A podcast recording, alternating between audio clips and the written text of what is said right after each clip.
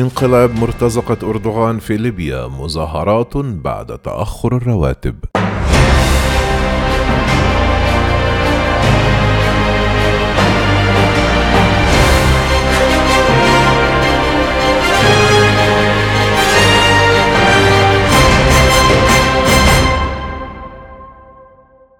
كشفت مصادر ليبية عن حالة من التذمر في صفوف المقاتلين المرتزقة الذين توظفهم تركيا منذ أشهر لدعم الميليشيات الموالية لحكومة الوفاق في طرابلس.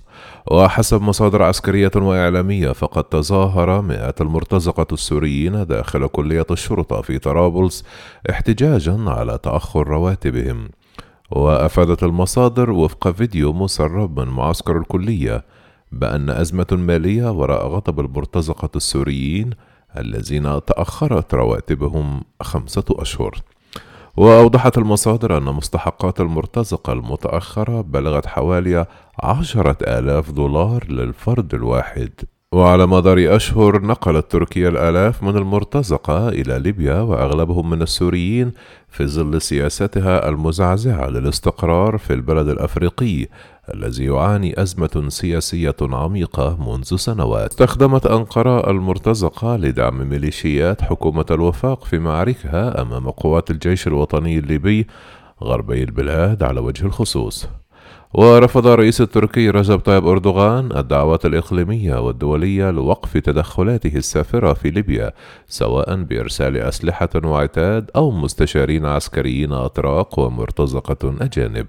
وقبل أيام أعلن قائد الجيش الليبي المشير خليفة حفتر أن قواته تستعد لطرد المحتل بالإيمان والإرادة والسلاح في إشارة إلى القوات الموالية لتركيا التي تعمل لدعم حكومة طرابلس.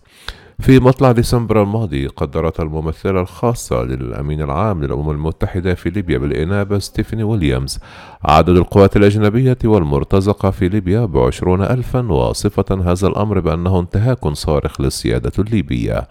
وعلى جانب آخر تستمر الجهود الدولية الرامية إلى طي صفحة الحرب في ليبيا. وسط آمال بخروج المسلحين الأجانب وفقا لاقتراح الأمين العام للأمم المتحدة أنطونيو غوتريتش. في رسالة موجهة إلى دول الأعضاء في مجلس الأمن طلب الأمين العام تشكيل مجموعة مراقبة تضم مدنيين وعسكريين متقاعدين من هيئات دولية على غرار الاتحاد الإفريقي والاتحاد الأوروبي وجامعة الدول العربية. وجاء في رسالة غوتريتش التي تحمل تاريخ الثلاثاء أدعو كل الجهات المحلية والإقليمية والدولية المعنية لإحترام مندرجات اتفاق وقف إطلاق النار وضمان تطبيقه من دون تأخير. وتابع الأمين العام أحض الدول الأعضاء والمنظمات الإقليمية على دعم آلية تطبيق وقف إطلاق النار بما في ذلك توفير أفراد للمراقبة تحت إشراف الأمم المتحدة.